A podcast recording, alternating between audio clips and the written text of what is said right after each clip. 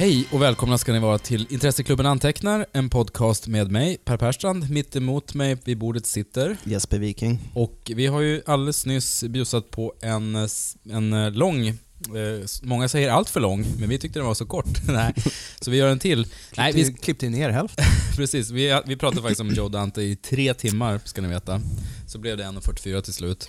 Så vi släpper nu en bloopers reel och en eh, reel med extra material, totalt fyra timmar, i våran app som ni kan köpa i App Store för 99 kronor. Nej. Vi hade ju förra gången tänkt köra vår sedvanliga topp tre, men eftersom vi pratade så ohemult länge om Joe Dante så blev podcasten helt enkelt för lång. Så vi tar det nu istället och tänkte bjuda på en liten bonus, eh, ett bonusavsnitt helt enkelt. Mm, just det. Vad fan var det nu då? Jo, men vi tänkte så här att eftersom så många av Joe Dantes eh, filmer utspelar sig i förorten, den välmående medelklassvilla-idyllen, Mm. så är ju temat för ikväll eh, Suburbia kan man säga. Just det, Topp tre filmer som utspelar sig i förorten. Exakt. Men du, ehm, då tycker jag att du börjar. Ja, jag börjar. eh, det var så länge sedan vi körde en topp tre, jag har glömt hur man gjorde. Mm. Jag äter Nej, chips så länge. Ja, men gör det. Eh, min topp tre är en film som heter Edward Scissorhands. Jaha. Som väl för många av oss eh, var kanske första mötet med Tim Burton. På den tiden man tyckte Tim Burton och Johnny Depp, de kunde göra hur många filmer som helst tillsammans och det skulle aldrig bli dåligt. Nej, Sen blev det ju ganska dåligt. jag såg faktiskt. Pee-Wees ehm, Big Adventure först va? Just det, precis. Ja, han gjorde ju den innan ja. Men jag Big Top gillade ju Pee-wee Pee-Wee. Herman. Mm. An acquired taste Mm. kanske. Ja, Pee Wee Herman älskar ju honom också. Mm. Jag, men jag tror jag såg de filmen efter den här, för nog var väl Edward Scissorhands hans första genombrott? Stora genombrott, ja absolut. Ja, tror det. Också första gången han eh, teamade upp med Johnny Depp i eh, sitt livs roll. Mm. Blev det, ja, förutom, förutom eh, eh, Barry-filmen. ja, just det. Finding, Finding Neverland. Neverland, ja. Förutom den då givetvis, Ja. så är det här den, den finaste filmen. ja. med- ja nu gör han verkligen skäl för sitt efternamn. Alltså. Ja, jag har inte, precis. Ja, men jag är besviken på honom. Jag har faktiskt inte sett Lone Ranger. Men eh, det, han börjar kännas som någon slags parodi på sig själv, tyvärr. Men det är ju inte ett, det är inte ett okänt faktum. Nästa gång kör vi topp tre eh, Johnny Depp-filmer efter 2005. Det blir Mm. någonting att bita i verkligen. Ja. Vi sa, åh nej, finns det någon? Det tror jag 50 miljoner minuter om The Tourist. Ja, det är jävligt stark film egentligen. Det här med Venedig och Ja. Angelina Jolie gör en av sina starkaste rollprestationer. Nej, det ska vi verkligen bespara, tack och lov. Ja, nej men eh, att sitta och basha Johnny Depp för att han gör dåliga filmer nu för tiden, det känns ju nattståndet. Så vi, vi gör inte det, utan vi pratar lite om Edward Scissorhands. Ja, det är öppna dörrar. Ehm, och vi vill ju vara en utmanande eh, podcast som får att tänka efter. Mm. Så då, då kör vi med lite eh, kontroversiella filmer som Edward Scissorhands Ja. istället. som verkligen ett djärvt val. Ja, ett provocerande val. Ja. Nej, men förorten i Edward Scissorhands är ju, eh, eller man kan väl säga att den förortsparodi som han gör är en av de eh, snyggaste och bäst genomförda, mest konsekventa kan, tycker jag nog, Mm. eh, i film. Nu höll jag på att säga, kan man säga? Jag har pratat om det, jag, jag sa det så jävligt många gånger i förra podcasten. Det kan man säga. Ja, Sätt att safea, så jag ska inte säga det längre. jag tycker det, här, fast inte om ni inte tycker det. Ja, precis. Man kan säga det, men om någon ifrågasätter det så eh, var det inte så. Då tar jag tillbaka det genast. Nej, men han eh, beskriver ju både satiriskt och väldigt kärleksfullt den här extrema konformiteten, hur arbetarna verkligen lämnar fabriken Mm. eh, i, i modern tappning. Mm. Hela det här området filmas ju mycket i eh, uppifrån också, Mm. från liksom helikopter, så man verkligen ser det här symmetriska, liksom prefab, nybyggda. Det är verkligen byggt på någon tom åker för att slussa människor in till, till eh, Ja. sina kontor inne i Just det. Ehm, och just att männen åker till jobbet, fruarna stannar hemma och ägnar sig åt matlagning och skvaller egentligen. Mm. Så spinkar på varandra över eh, Häckarna. Över häckarna, Mm. precis. och i det här hamnar då Vincent Price eh, eh, sorgsna, eh, bleka skapelse och blir ju till första nu blir han ju omtyckt och populär i grannskapet. Man får ju tänka på att det här är ju ett gäng väldigt uttråkade hemmafruar. Mm. Helt enkelt. Sen går det ju snett då förstås när han... eh, eh, ja, det händer otäckheter och det blir en liten mer Frankensteins monster-mobb-mentalitet över det hela. Ja, just det.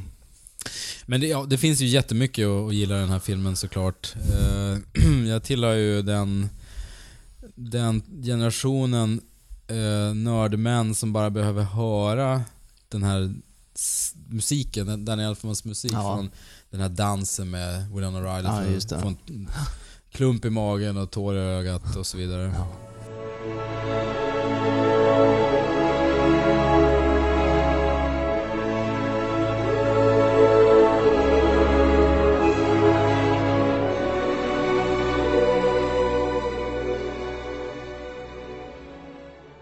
Det är så fint. Ja, det är det. Eh, Men utöver det, det finns ju mycket att säga med Edward Scissorhands, men just utifrån det här att den så roligt och träffande parodierar det här amerikanska förortslivet. Den här pastell... Ja precis, han jobbar ju mycket med pastellfärger. Och det roliga är också att han blir så poppis Edward för att han kan göra de här eh, häxskapelserna. Skulpturerna, ja. Mm. Skulpturer. Precis. Bu- ehm, ja, buskagen. Mm. Så att alla de här familjerna kan ha perfekta små gårdar med dinosaurier och lejon och sådär. Mm. Ja, så det var min trea. Ja, det är, det är ett fint val. Ja, hör du.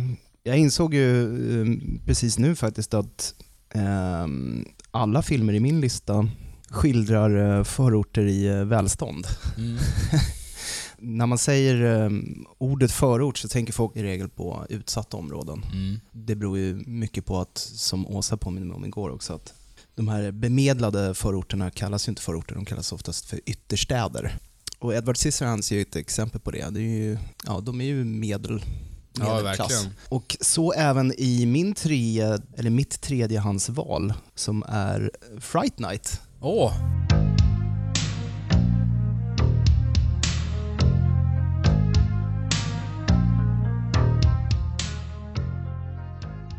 Alltså originalet Ja. från 1985. Goes without, without saying. Ja, man skulle kunna säga att det är mm, Fönstret åt gården, fast med vampyrer. Eller det är väl grundpremissen i det hela. En ung man som är uttråkad och bor i ett, ja, ett villaförortsområde och så flyttar in en ny granne som eh, han då blir övertygad om är vampyr och ingen tror honom. Så det är ju mycket en eh, pojken som ropade varg Mm. historia också. Det är en härlig film. Jag kommer ihåg när eh, den kom och jag såg den på hyrvideo. Det här var ju alltså mitt i explosionen av slasherfilmer. Och det här var väl ett försök att ingjuta liv i den trötta vampyrgenren igen. Mm. Eh, och det gick ju ganska bra. Jag tror det var det årets näst mest inkomstbringande skräckfilm. Mm. Mm, Endast stoppad av eh, Terror på Street 2. Ja, den kom 85 också. Ja. Och sen så blev det en remake också. Mm. Just för att den gick så bra. Den var ju inte så lyckad. Nej, fan vad dålig den var alltså. Jag såg den här om året. Det finns mycket att älska med Fright Night. Ehm, delvis, som jag sa, för att de försöker gjuta liv i vampyrgenren igen. Och det gör de med mycket charm. Jag tror den är väldigt självironisk också. Jag tror till och med att Roddy McDowells karaktär vid något tillfälle i filmen säger att han är over the hill för att folk bara bryr sig om Jason och Michael Mm. Myers och sånt där. Jo men för mig Som, är han eh, verkligen, han är verkligen hjärtat i filmen. Och det, finns ju beröringspunkter med Gremlins 2 som vi pratade om i Joe Dante-podcasten Mm. också. Man har den här typen eh, Elvira, Mistress of the Dark-figuren som är så värd för tv-program som visar Mm. gamla skräckfilmsklipp. Men- Ja, i Gremlins 2. Ja, precis. Gremlins Ja. 2. Ehm, eh, som också där är lite passé, för det är ingen som vill se det längre. Nej. De vill bara ha moderna slasherfilmer där folk eh, hugger i varandra. De vill inte ha de här klassiska Universal-skräckisarna. Och det är så, det är så charmigt för att eh, killen här, Charlie Brewster i filmen, han, han vet ju inte var han ska vända sig. Alltså, vad, vad gör man om man har en vampyr som bor granne med en? Mm. Ingen tror en. Vampyren vet att man själv vet, men Mm. vem ska han prata med? Han kan inte gå till polisen riktigt, han blir utskrattad. Så då vänder han sig till den här okulta TV-figuren. Ja. Och eh, McDowell... Det, det, är ju, det bästa med filmen är nästan hans reaktion när han inser att det är på riktigt. Ja. Han blir ju livrädd och Mm. förstår att nej, men jag måste dra härifrån. Så här. Mm. Det här är way beyond my... eh, liksom, det är bortom min kompetens. Ja, han här. är, han är ute på um, djupt vatten Verkligen. helt plötsligt. Ja, det, han är ju otroligt fin i den. Mm. Och jag vet, det kanske är den film man förknippar med Roddy McDowell mest idag. Jag tror nästan det. Innan var det väl Apornas planet, ja, men, Cornelius. Jo, men han har ju också, han har ju mask där och givetvis, så Ja. man ser ju inte honom på samma sätt. Nej, jag tänker nog på den här. Det, det, han gör en otroligt bra, bra roll i den. Sen tycker jag Chris Sarandon är otroligt... Chris Sarandon är eh, en jättefin vampyr. Ja, En, en modern tappning av en, den klassiska mm, förföraren. Och det är ganska långt ifrån de här um, glimrande tonårsangstvampyrerna som regerar idag. mm, Han är väldigt charmig och eh, hotfull på en och samma mm, gång. Verkligen. Det är roligt också att hans dåvarande hustru em, Susan Sarandon, hon hade ju gjort vampyrtjänst strax innan tror jag, i em, Tony Scotts The Hunger just det. mot David Bowie och Mm. Catherine Deneuve. De gjorde, de gjorde sitt där i den genren. Sen skiljer de sig. det var slutet på allt. Precis. Ja, nej, jag, vet, inte. jag har egentligen inte så mycket mer att säga om Fright Night. Mer än att jag vill påminna folk om att den finns Mm. och att den alltid är värd att se om. Den gick ju på... TV4 Film är en sån kanal som kan köra lite vad som helst. Plötsligt kan det dyka upp fantastiska filmer där. Mm. Man slår på så kommer man mitt, mitt upp i Flykten från New York. Och sen tänker man oh shit, jag måste kolla TV4 Film och så nästa gång man kollar det så här Änglagård 2 eller någonting så blir man besviken. Men de har ju kört jättemycket bra film där. Mm. Jag kommer ihåg ju- julen 2012 så höll vi på, här får du klippa bort sen tror jag, det är helt sentimentalt meningslöst. Men eh, vi- märkte det vi- stocka sig i halsen på Ja, dig direkt. precis. Märker det på tårögonen. Mm. Nej men det var så Det här här, kvällen innan julafton slog vi in julklapparna och drack glögg och hade precis fått igång granen och sådär. Mm. Det var bara en mysig kväll och så var det ju Fright Night på, på TV4 Film som vi satt och kollade på. Perfekt. Det var så otroligt mysigt, för då hade inte jag sett den sen, jag tror inte jag hade sett den sen 85 när Nej. den kom. Eh, och, det var bara så härligt. Man återupptäcker filmen och upptäcker, att den, upptäcker att den är lika bra nu som den var Ja. då. Sen, eh, jag vet inte, tillför kanske lite också att ingen av skådespelarna är något, några stora, stora namn Nej. i dagsläget. Roddy McDowell var väl kanske då den största stjärnan i filmen. Mm. Chris Sarandon blev ju aldrig ett, ett eh, dragkort på något sätt. Nej. Han blev väl kanske mer förknippad med Humperdinck i The Princess Bride. Tyrone, you know how much I love watching you work. But I've got my country's 500th anniversary to plan, my wedding to arrange, my wife to murder, and Gilda to frame for it. I'm swamped. William Ragsdale har man inte sett röken av. Nej, jag tjuvkollar på IMDB Ja, nu och det är mycket TV. det är mycket TV. Ja. Du vet- Guest på Grey's Anatomy. Ja, men lite där. så. Det är ju alltid Mm. så här. Under bilden är det ofta known for och så är det fyra filmaffischer. Då är det Fright Night, Fright Night 2. Två. Ja. Någon film som heter The Reaping, ja, 2007. just det. Ja, men den har jag sett faktiskt. Vänta, nej, det är den med... Det är den där ute i Louisiana-träsket. Ja, den med... eh, Alltså hon från Boys Don't Cry och Karate Kid. Ja, Vad exakt. Ehm, Den kvinnliga Matt Damon. Vad fan är Ja. hon heter? Matt Damon. Ja, men herregud. Herregud, vi fuskar lite. Hon Ja. heter Hilary Swank. Hillary Swank. Den har jag ju sett, den var ju helt okej tror jag. Ja. Eh, Men jag minns ju inte William Ragsdale. Och så var han var med i någon film från 1991 som heter Herman's Head som inte ens har en affisch till sig. så att eh, det är mer så här. han en liten roll i NCIS, ett avsnitt 2013. Två avsnitt av Necessary Mark. Roughness. Ja, Mm. precis. Så det är ju mycket, Justified han roll i, och så vidare. Han Och har inte vidare. breakat riktigt. Hans flickvän ehm, i filmen, Amanda Beersley, hon är mest känd som eh, Al Bundys nemesis i Ja, hans granne. eh, Hemma Värst, eller vad fan heter det? Married with Children. Ja, Hemma Värst var ju comic strips, det mig. den hette ju... ehm, Hur många avsnitt har man sett? Den senila. Välkommen till den senila podden. Jag minns, Jag eh, den minns där filmen. Den här med hon, du vet. Vad är det hon heter från fan? Våra värsta år. Där var hon inte lika trevlig.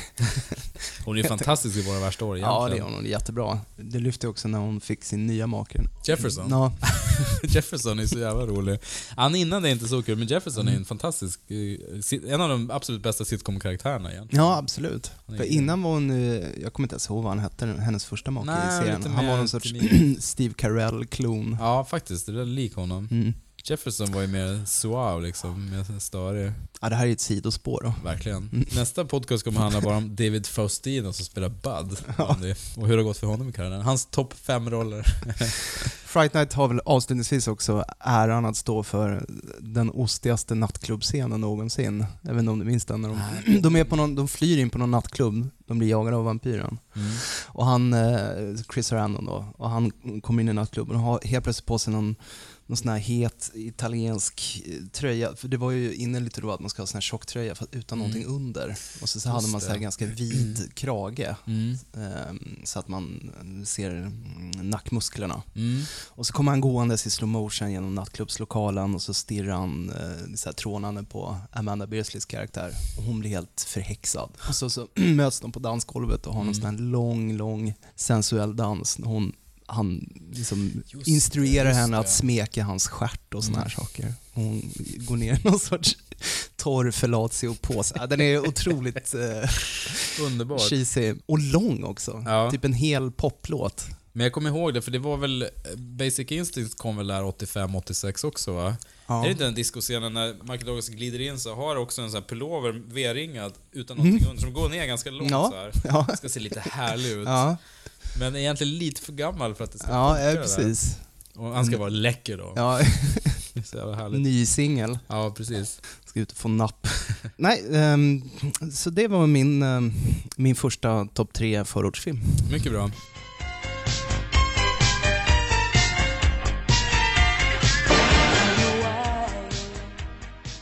All right. Då Ja. är det dags för ehm, film nummer två. Ja, min tvåa i den här förortskavalkaden är faktiskt en eh, delad andra plats mellan filmerna, eh, en film som heter Timmarna Mm. och Far From Heaven. Mm. Båda kom 2002 nämligen. Mm. Och jag bakar ihop dem lite grann för att Julianne Moore spelar väldigt en, en väldigt liknande roll i båda filmerna. Spelar ungefär samma figur i Ja. båda filmerna. Med reservation för att jag har aldrig sett om de här filmerna. Mm. Och nu är det ju tio år sedan drygt. Eh, men Timmarna är ju den här Steven Daldry-filmen, han som gjorde eh, den här dansfilmen. Billy Elliot heter Ja, han. just det. Jag där igen. Du vet den här. Du vet den här. Nej, men Med han som... Steven, alltså Timmarna är ju en sån film som har tyngts ner av vikten av dess, alla dess eh, nomineringar. Alltså redan innan man fick chans att se den. Det här var ju på den tiden då det kunde dröja ett halvår innan en film gick upp i Sverige. Det Ja. tog ju längre tid då, Mm. back in the day.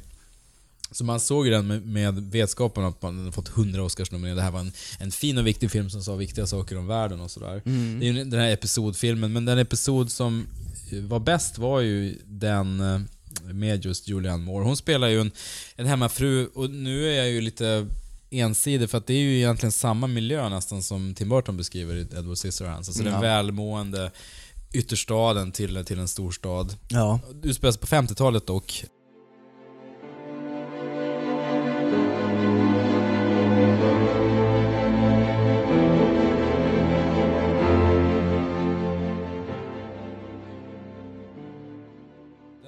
Består ju av tre olika episoder som är lite eh, krystat hänger ihop kring Virginia Woolf. Men den jag tyckte var bäst och mest intressant är ju den med Julianne Moore och John C. Reilly som lever det här perfekta 50-talslivet. Mm.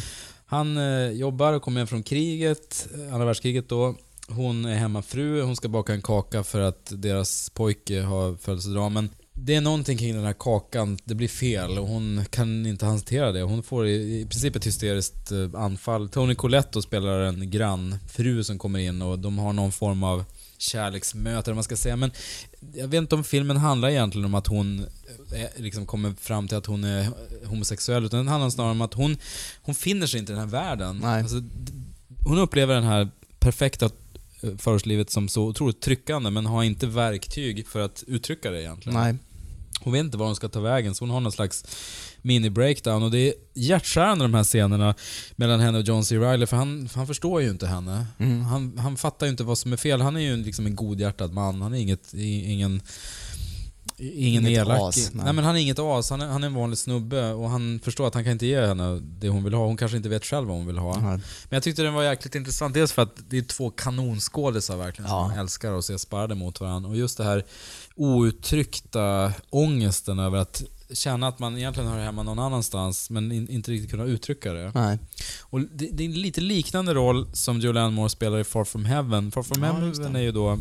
Eh, Todd Haynes film från samma år, 2002. Ja, Så hon hade ju ett väldigt bra år där, Julianne Moore. det kan man lugnt säga. Hon har alla hennes år är bra år. Nej men hon är, vad hon är gör så hon är ju fantastisk. Swinigt bra. Mm. Det är ju helt, egentligen galenskap hur bra hon är. Men i Far From Heaven så var det hennes man som kommer ut som homosexuell. Precis, och där har vi Dennis Quaid också. Mm. Som vi pratade om i Vår Joe Dante gamle hjälte. Ja, det känns så bra att det var väldigt härligt att han fick den här rollen Mm. På ålderns höst. Nu är jag ju ännu äldre, men man hade inte sett honom på ett tag riktigt. Men det känns som att Todd Solondz hade väldigt bra, nej förlåt, Todd Haynes hade ett Mm. väldigt bra öga för, eh, för, för Föreställer mig castingen. precis Todd Solons version av Far From Heaven. Ja, den hade varit tung faktiskt. Ja. Verkligen. Och Det är lätt idag också att glömma hur jävla bra John C. Reilly är nu för tiden när han nästan bara är andre fiol åt Will Ferrell. Man ser honom spexa loss med Will Ferrell i alldeles för Ja. många filmer, men han är ju fantastiskt bra liksom, dramatisk. Och det är kul när han dyker upp på Conan O'Brien och gör Mm. någon sketch i en björndräkt eller sådär. Men man skulle ju vilja se honom göra en riktigt mustig, roll igen. mm. Var det Polanskis senaste film man såg honom i andra matsrummet? Carnage, just det. Den eskalerade liksom för fort. Ja, den, den det gick filmen. för fort. Mm, som flickan sa. Nej, Så flickan sa. klippa bort. Så, varför sa jag det? Jag, jag aktiverar ordstävsfiltret som i ljudredigeringsprogrammet. praktiskt. Mm. Det här är då Connecticut, eh, 50-talet också. Ja. Eh, ungefär samma perfekta liksom, tillvaro som, i- som i The Hours. Men Dennis Quaid då, eh, ja, han, han är dragen, dragen till andra män och det var ju givetvis en dödssynd under den här perioden. Och han är någon chef också, jobbar på något företag, så det är otänkbart att han skulle Mm, komma ja, just ut. det. De säljer radioreklam va? Är det inte? Något sånt? Ja, precis, det är det nog ja. Ganska ovidkommande, men Mm, ändå. Och eh, det här gör ju att det, det blir problem förstås i, i deras förhållande. Och I samma veva så blir hon attraherad av eh, Dennis Haysberts figur, Mm. som väl är... President Palmer. Mm. Man kan inte se honom i någonting utan att Nej, det går "Ah, inte." Palmer." Han var ju så jävla bra som Alltså, Palmer. ja, precis. Han har ju sån gravitas, hans mörka röst liksom. Han känns så här otroligt stabil också. Mm. En statsman. A man about town. Mm. I den här krisen då så, så blir eh, Julianne Moores karaktär nära vän med Dennis Haysberts figur och han är då son till deras trädgårdsmästare. Och han är, så de, de, de hittar en connection med varandra. Men Mm. han är svart då och det här är ju helt otänkbart även det. Mm. Eh, snacket går på byn och det blir omöjligt för dem att liksom ha en relation. Det är någon granne som ser dem Ja, tillsammans va? precis. Och sen börjar tisslet och tasslet och de vet inte var de ska ta vägen. De, de tappar ju ansiktet helt enkelt. Mm. Så det de har ju, det är ju en fruktansvärd tid egentligen. Det här bygger ju på, han har ju dragit eh, eh, inspirerats av Douglas Sirk-filmerna, speciellt Mm, då All That Heaven. Allows och Imitation of Life med Rock Hudson. Ja, Och det, det finns ju många paralleller där med Rock Hudson som givetvis var homosexuell men var tvungen att dölja det hela, hela Mm. sin karriär i princip. Och den är gjord i en ganska stiliserad melodramatisk stil kan man ju säga. ja. Men det så, förutom att hantverket är fantastiskt, det är otroligt snygg, stilren, stram, jättebra skådisar, fantastisk story som man verkligen sugs in i, så är det det här bilden av baksidan på 50-talsdrömmen och suburbia-drömmen att avviker du från mallen så, Mm. så är du död i princip. ja. Så de två filmerna, Timmarna och Far From Heaven, alltså ska man se någon av dem om man inte sett dem så är det ju Far From Heaven man ska se, den är ju ja fantastiskt bra. absolut. Timmarna är helt okej, men du har ju ganska såsigt avsnitt med Harris som en så här aids-sjuk konstnär och du Mm. har uh, Nicole Gud, Kidman vad lö- tråkigt. Ja, snark. Och Nicole Kidman med lös näsa som Ja, spelar Virginia Woolf som Just det. dränker sig. Ser ut Gud, som. Filifjonkan i Ja, eh, faktiskt. Mumintrollen. Men, självmord, lösnäsa, då blir det en Oscar. Ja. I alla fall en nominering. Så det var min tvåa. Mm, härligt.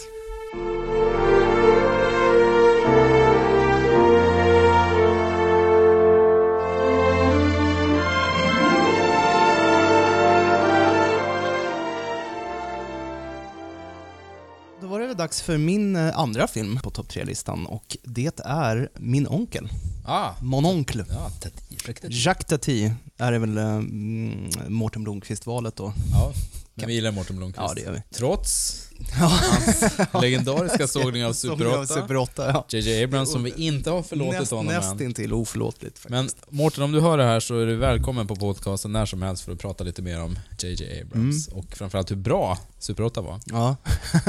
eh, nej men eh, min onkel är ju eh, en bra förskildring. Det är återigen då eh, Man kan väl säga att det är en Tatis kritik av den här uh, stadsplanerar-våldtäkten på um, äldre bebyggelser Mm. uh, under efterkrigstiden.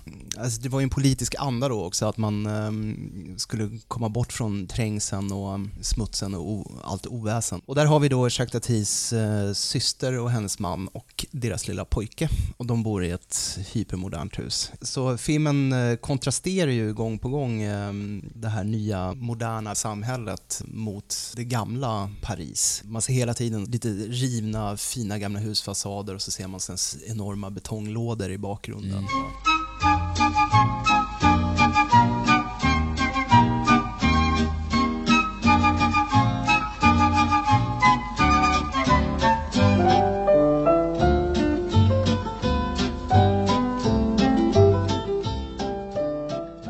Tati är ju ganska tydlig med att han inte är en vän av modernisering eller det moderna samhället. Att han belyser ju på ett väldigt bra sätt också hur onödigt komplicerat man gör livet för sig Mm. själv med alla manicker och mm, elektroniska apparater och man kan freeze-framea vad som helst i hans filmer och det är som en jätteläcker tablå. Mononcle kanske är den film han, som anses vara hans främsta. Mm, jag tror det också. jag eh, anses ju vara en rolig komediklassiker, men om Mm, hans... Var väl den stora internationella hitten. Det var Ja. den han fick en Oscar för också. Men visst handlar Trafik film. också om... Det är väl Ja, nästan alla efterföljande filmer handlar ju just om, om det moderna samhället Mm. och absurditeten i det. Fördelen med min onkel är eh, i alla fall att där är han fortfarande på ett personligt plan och, och betraktar människor medan i de efterkommande filmerna så känns det som att kameran zoomar ut mer och mer och att Mm. hans, eller alla karaktärer, även hans, bara blir som små streckfigurer. Mm. Känns, Trafik han, han tar ett mer och mer holistiskt perspektiv i sina filmer. Ja. Och det känns som han Senare kanske går all in på jättesnygga bildkompositioner Mm. också med de här glas och bussar och skyskrapor och sådär. Ja. Så det går före kanske att skildra den lilla människan, eller filma människan. Ja exakt, för framåt slutet så blir det mer som att det är nästan som att spela Civilization eller någonting. Man sitter och, som någon allsmäktig och betraktar ett, Mm. ett mikrokosmos i, i, i hans filmer. Ehm, men min onkel är ju i grund och botten en väldigt fin liten historia om mänskliga relationer också. Mm. Den här lillpojken är ju, eh, han har ingen vidare kontakt med sina föräldrar. Hans mor är ju en sån här, um, som vi bemärkte tidigare, en perfekt, eller aspirerar på att vara en perfekt hemmafru. Hon är Mm. hemma och putsar och polerar eh, maniskt på allting Mm. hon kan komma åt med sin trasa. Och mannen är ju en sån här jättepompös, ja, en nidbild av en fransk konservativ em, tjänsteman. Direktör eller middle management-direktör i alla fall av, för någon plastfabrik. Mm. Det känns som själva sinnebilden för eh, kommersialismen och kapitalismen, just det här med plastfabrik. Man har hittat Mm. någonting nytt som är snabbt tillverkat, som är helt Mm. omiljövänligt, som man skapar ett behov som ingen vill ha egentligen. Mm. Håller för evigt. Ja. Den är så späckad av eh, små fina observationsskämt. Mm. I ljuset av det patetiskt hur, när man hör andra regissörer som Lasse Åberg till exempel jämför sig själv med, med Tati. Invalido i all ära, men om, om Tati hade gjort d- d- samma scen så hade det pågått kanske tio andra sidegags i bakgrunden Mm. medan de står och pratar i förgrunden. Nej men att Invalidoskämtet betraktas som en höjdpunkt inom svensk filmhistoria, det är ett fattighetstecken så gott som något. Det är, det är kulturskymning. Ja, eh, Grejen med, för att komma in på ett sidospår, grejen med Invalido, mm, det är ju inte ett, det är ett roligt skämt. mm.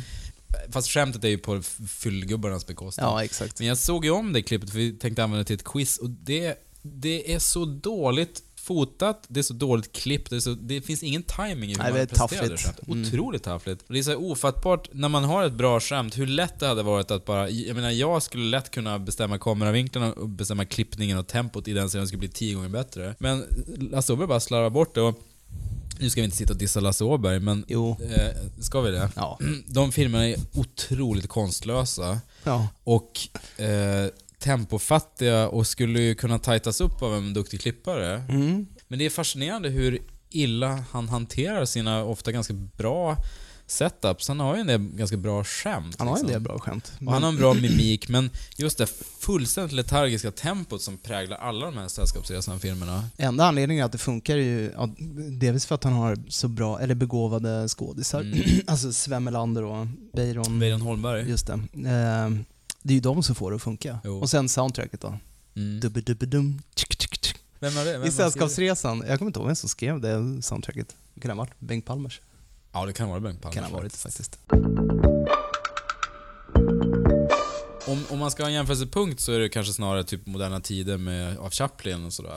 Ja, absolut. Och eh, karaktären Monsieur Hulot, man får ju också tydliggöra att nästan inga av Tatis filmer har eh, någon dialog. Alltså, det finns ju lite dialog. Den, är ju inte en, den driver ju inte handlingen Nej. framåt. Så att Monsieur Hulot är väl en karaktär helt i anda av, eller i samma skola som Chaplins luffare eller eh, Buster Keaton. Mm. Jo, men det gör ju filmerna tidlösa också på, Mm. på ett sätt. Smarrigt. Ja, Jag fick ju den här, eh, det finns ju en, Atlantic har ju gett ut någon ganska fin eh, Tati-box i Sverige. Mm. Jag fick den i, i födelsedagspresent för några år sedan. Jag har inte börjat se den än, men jag, nu blir jag ju jättesugen. Det var aslänge sedan jag såg Mononkel. är det den här vita boxen eller? Ja. Ja, det, jag har den också.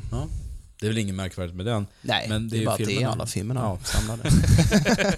Det finns filmer. Nej men sen har ju Criterion gett ut flera eh, på Blu-ray sådär. Mm. Tati, och de vill man ju ha. Men då får man skaffa en regionsfri Blu-ray-spelare. De känns ju otroligt åtråvärda. Det finns ju också en väldigt vemodigt över Tatis filmer som jag glömde nämna och det är att det är ju evig sommar i hans filmer. Ja. Det är liksom aldrig regn, glåp eller snömos eller något sånt så. där. Nej. Så det är alltid en ljuv, eh, en sen junidag och ändå så går han med ett paraply jämt också. Men det är väl den här bevis för den här regeln att gå, har man paraply med sig så regnar det inte. ja, precis. Det är så det funkar. Mm. Ja, härligt. Tack, tack. Vi är då framme vid eh, första platsen. Här hade jag egentligen tänkt ta en liten film av Steven Spielberg som heter E.T. Åh, vad otippat. Ja, vad oväntat. Men därför att eh, den bild av... Nu har jag ju nämnt tre filmer. En film som gör satir av förorten. Mm. Två filmer som visar på de, eh, myntets baksida kan man säga. Jag är ju tyvärr väldigt insnöad på den amerikanska förorten på 50-tal respektive 90-tal. Ja. Och, eh, och man kan ju säga att Edward Scissorhands nästan är någon slags 50-tals parodi också. ja. Känns ju inte så nutid, den är väldigt stiliserad. Så att egentligen är, har jag tagit tre filmer som handlar om samma period. Mm. Och nu, eh, IT är ju ingen jättestor skillnad, mer än att det är en väldigt positiv bild av, av förorten. Eh, jag hade Mm, tänkt I alla fall för barn. Ja, precis. Det är ju... Exakt. Vi nämnde det i Joe Dante-podcasten. Vi hintar hela tiden om det för att ni ska lyssna på den. Om det. Ja. Det finns så mycket att hämta där. Det är så mycket Som vi också nämnde i vår första podcast Ja, med Carpenter. Som och John Carpenter gjorde i Big Trouble in China, där. Att, Ja. eh, Så det får ni lyssna på Halloween var ju också en förortsskildring. Jo men precis. Den, den hade ju säkert kunnat platsa här om vi inte redan hade pratat om ja. Ja. Carpenter. Så den strök vi. För det, där har man, kan man ju säga att förorten är en, en del i filmen. Just kontrasten då mellan den, ja, lugnet, liksom, den nästan döda i förorten och eh, den onämnbara skräcken. Ett sidospår här är väl också att mitt första val, Fright Night, är på många sätt väldigt lik ehm, Dantes film The Burbs. Ja, det. Som också är en Mm. film om voyeurism och spionera på grannarna och, och odla en atmosfär av misstanke och inkräkta på andras privatliv. Mm. Vilket han, eh, eller William Ragstays karaktär, faktiskt hade gjort om det nu inte var så att han var en eh, vampyr. Så att Precis, han kollar med kikare och blir besatt av den här grannen. Ja, och- Ja, det är klart olämpligt beteende. Ja. Om det nu inte var så att han faktiskt var en vampyr på vampyr. riktigt. Ja. Men det är ju bara William som vet det tyvärr. Mm. Tillbaks till E.T. Tillbaks till E.T. Ja, jag hade tänkt prata om det, det här magiska kvällsljuset i den här eh, eh, den, kanske den vackraste filmscenen som gjorts. Ja. Halloween-scenen Ja. när de lallar runt. Dels är det ju ett jätteroligt inside-skämt när han träffar Yoda där. Ja. Om. Om. Om. Blir till sig. Och sen bara det här magiska kvällsljuset som eh, Spielberg fångar så fint. Mm. Som han, eh, Skymningsljuset. ja, det är helt otroligt. Men The Twilight Zone. Ja. Sen så lyssnade jag igenom vår förra podcast och trots att vi nominellt snackade om Joe Dante så är det ju så otroligt mycket tjat om E.T. Mycket från Mm. min sida. Mm. Jag nämner honom så här 46 gånger. Så jag tänkte jag, jag kan inte ta det igen. Vi, vi har ju pratat om att vi ska ha en Pantheon. Skåpet, ja. skåpet. Mm. Vi stoppar E.T. i skåpet. Mm. Det betyder att den är eh, off limits nu. Får inte snacka om E.T. något mer. mer. Man får nämna den, man får inte ta upp den. Man får inte beskriva handlingen i, Nej. i kringväga jag termer. precis gjorde. Så nu Ja. glömmer vi E.T. Och då tar jag istället The Ice Storm. Ah, Ja, Angli. Inte Fan. jättelångt bort. Alltså, jag känner mig lite enkelspårig. Jag funderar på Fish Tank också, som är en helt fantastisk film Mm. som sig i glåmig brittisk förort. Och där kan man ju snacka förort verkligen. Mm. För där är ju Ja, ja, verkligen. så in i helvete fattigt och så. Man skulle ju kunna snacka om eh, Mike Lees filmer, Riff Raff till exempel. Man kunde snacka om Ken, Ken, Ken Loach och sådär. och um, eh, Kassovitz, Lahan. Ja, just det. La En, ja. Medan vi faller hade kunnat funka väldigt bra här. Som är också är liksom en, en politisk film som är jätte, jättesnygg och som verkligen handlar om förorten. Ja, Men eftersom jag är så USA-hjärntvättad ja. så blir det återigen en amerikansk film. Dock Vi är barn av... vår tid. Ja men vi är ju det, det, det måste man erkänna. Uh, Ice Storm utspelar sig i Connecticut 1973. Ni har säkert sett filmen, men i korthet handlar det om ett, några familjer där de vuxna är så pass... De har ju en tillvaro där de har allt egentligen. Ja, Eh, De har allt utom, de är inte lyckliga. Det, det är det enda som saknas. Så de rätt uttråkade. de är uttråkade och de ägnar sig då åt den här klassiska partnerbytes, eh, swingers-stämningen inom sin lilla community. Att Mm. man har ett party, man sitter och dricker vin och snackar, eh, snackar kultur. Mm. Eh, säkert Bergman snackar de också, för de var lite Mm. halv... Fast de är inte helintellektuella som i Woody Allen-film, utan Nej. halvintellektuella kanske. Men sitter och snackar intellektuella. Och sen så lägger man då bilnyckeln i, i eh, en korg vid hallen och så tar man en nyckel och så åker man hem tillsammans och har Mm. sex. Mm. Och sen så fortsätter vardagen som den gjorde. Alltså ett ganska... Ja, ett sätt att sätta sprätt på det, det mundäna, mondäna vardagslivet som man Mm. är så uttråkad över. Mm. Men även det här partnerbytet gör ju ingen lycklig. Ingen blir ju glad av det här. De hade inte. Netflix. Precis.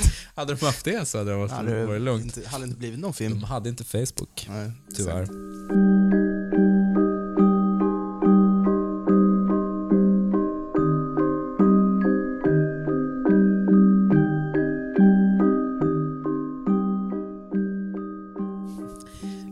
i, i det här livet så följer vi ju i filmen eh, barnen eh, som spelas av bland annat av Tobey Maguire och Christina Ricci och Elijah Wood. Ja.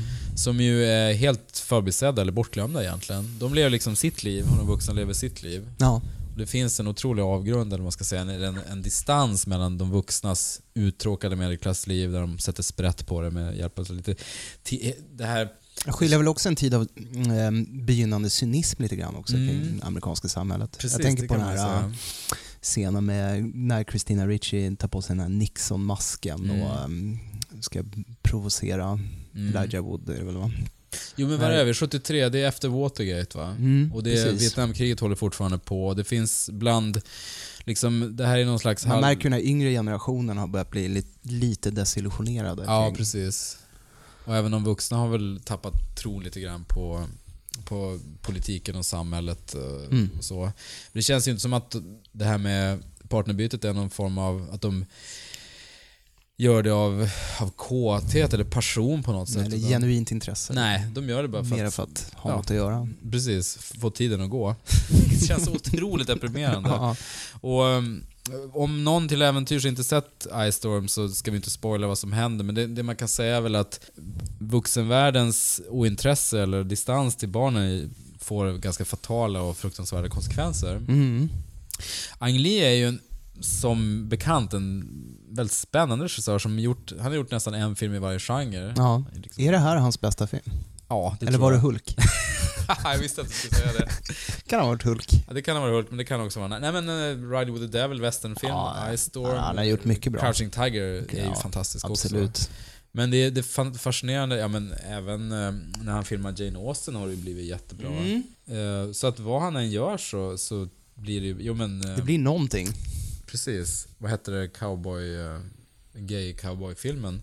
Brokeback Brokeback Mountain. Var också jättebra. Ja. Nej men det här är nog hans bästa film, det tror jag. ja, den är fin. Äh, d- Mm. eh, Den är Det- otroligt snygg kan man ju säga. Och, och just det här, vilket man kanske inte alltid ser i amerikanska filmer. Nu har vi ju pratat om, alla filmer jag nämnde är ju den här soliga 50-tals förortslivet. mm. Här är det ju vinter och Mm. delar av filmen i alla fall väldigt mycket, väldigt krispigt och väldigt kylslaget både liksom i människorna och eh, utanför i, i väderleken. Ja. Så jävla platt. Min analys är att eh, ja. Ja, en fin meteorologisk Jättefint. analys av Det filmen. är som när det börjar åska i en skräckfilm på slutet så här, när det blir läskigt. Så. Mm. Har det någonting med, försöker man åskådliggöra någonting? Ja. Välkommen till filmanalysen. Nej, men ett bestående minne av eh, The Ice Storm för mig är väl också, eh, apropå förortslivet då, ja, när Toby Maguire ständigt färdas in till eh, Manhattan i de här långa tågresorna. ja, det, är, det är någonting i hur de är skildrade också, han sitter, och det är alltid något så här sent tåg och han sitter eh, nästan ensam i tågvagnen och, och stirrar ut i bäckmörker. Som, nu har ju inte jag bott i en, eh, i en svensk eh, ytterort själv, men jag pluggade ju i London några år och då Just det. bodde jag ju eh, en bit utanför city kan man ju säga. Och det var ju väldigt långa tågresor så jag känner väldigt mycket igen mig i det där. Man tog vara på de där långa Mm. resorna då man liksom nollställde sig Mm. mentalt. Mm. En ganska värdefull tid. Pratar du om den inre resan? Den inre ja, resan. den är också Ja. viktig faktiskt. Eh, nu sabbas väl det för de flesta eftersom folk sitter och facebookar istället. Ja, precis. Släpp Facebook. Ja. Skit i Instagram. Mm. Fast vila. inte. Fast följ vår, vår podcast, givetvis. Och vår Facebook-sida. Ja. Nej men Tobey Maguire är så bra. Eh, ja, han är jättebra. den här och Wonder Boys är ju hans, Stora ja, filmer. är hans stora filmer. Vilka, vilka Sen år han började han bara spela Tobey Maguire.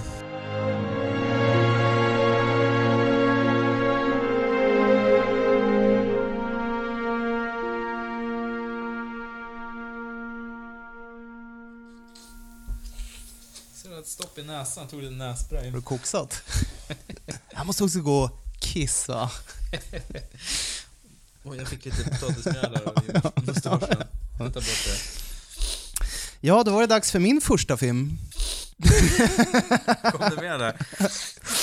Snora på lite medan jag berättar. Mitt förstahandsval bland förortsfilmer är ju Blue Velvet. Ah,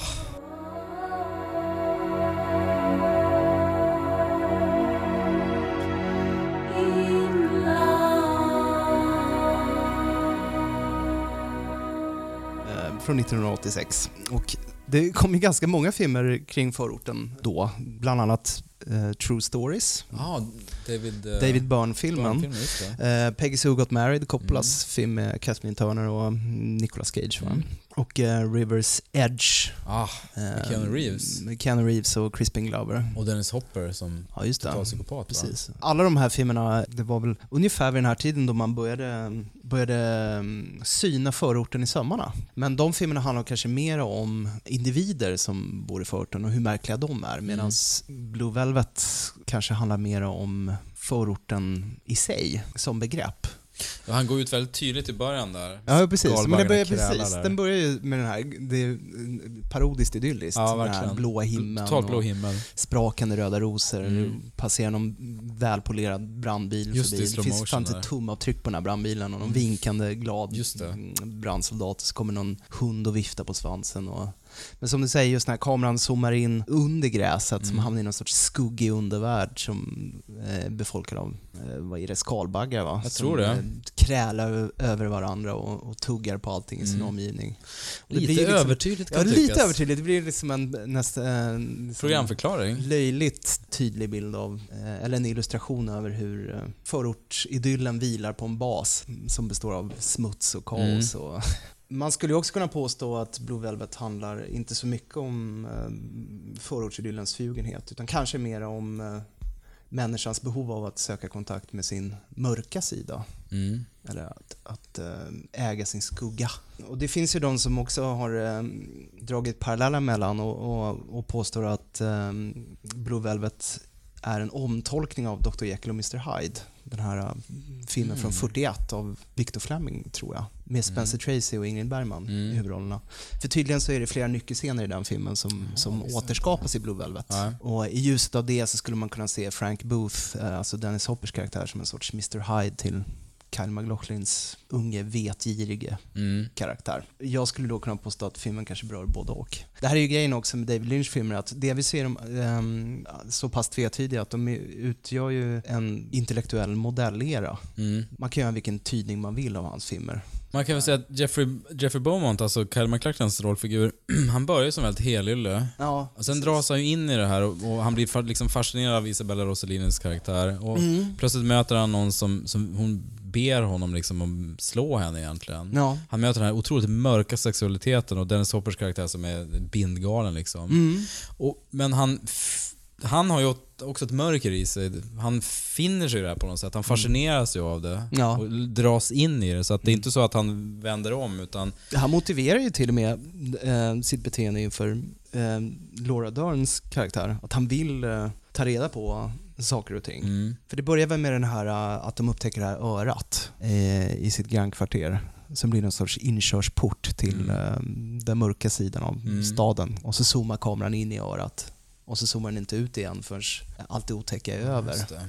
Och eh, framåt slutet. Och då kommer det ut ur hans öra. Mm. Så att det, det örat blir ju som en sorts Alice i Underlandet hål. Men Jesus vad jag känner att jag måste se om Blue Velvet. Ja, den är, ju- var länge sedan. den är jättefin. Samtidigt är det också ett problem med att, att prata om David Lynch att hans filmer är så överanalyserade så att allting man, alla åsikter man har, kommer med känns otroligt Mm. gjorda Ja, precis. redan. Tror du Men att Eraser handlar om rädslan för att ta ansvar och få barn? Kan det ha något med det att göra? Ja, kan man enligt tre miljoner bloggar gör det det.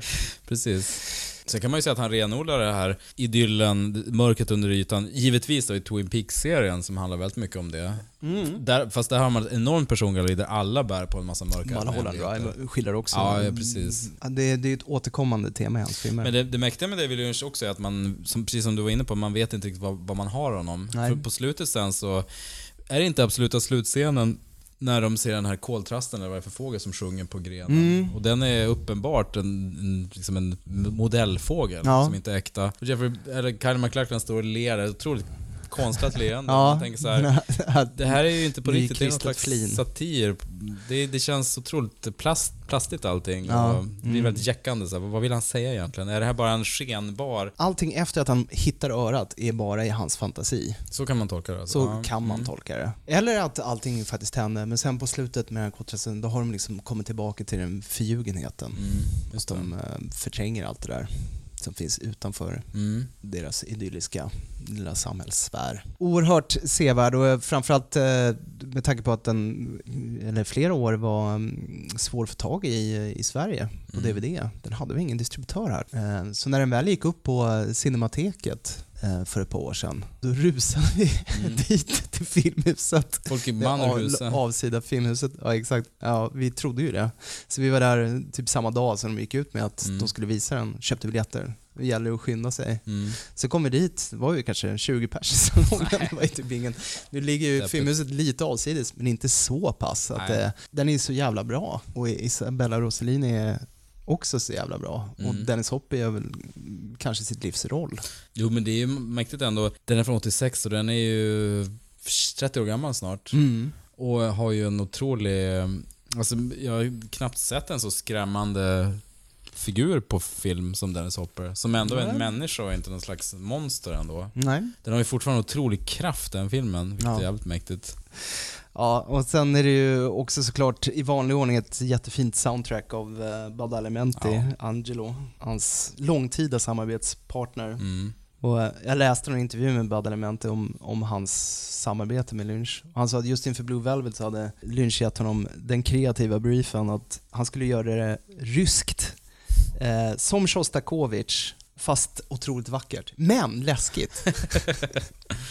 och han lyckades Ja, verkligen. helt enkelt göra det. Jag tycker det är en sån rolig brief för eventuella lyssnare i konsultbranschen som jag ser det. En väldigt typisk sådan också. Mm. Härligt. Bra, bra val. Bra Tackar. etta. Tack, tack.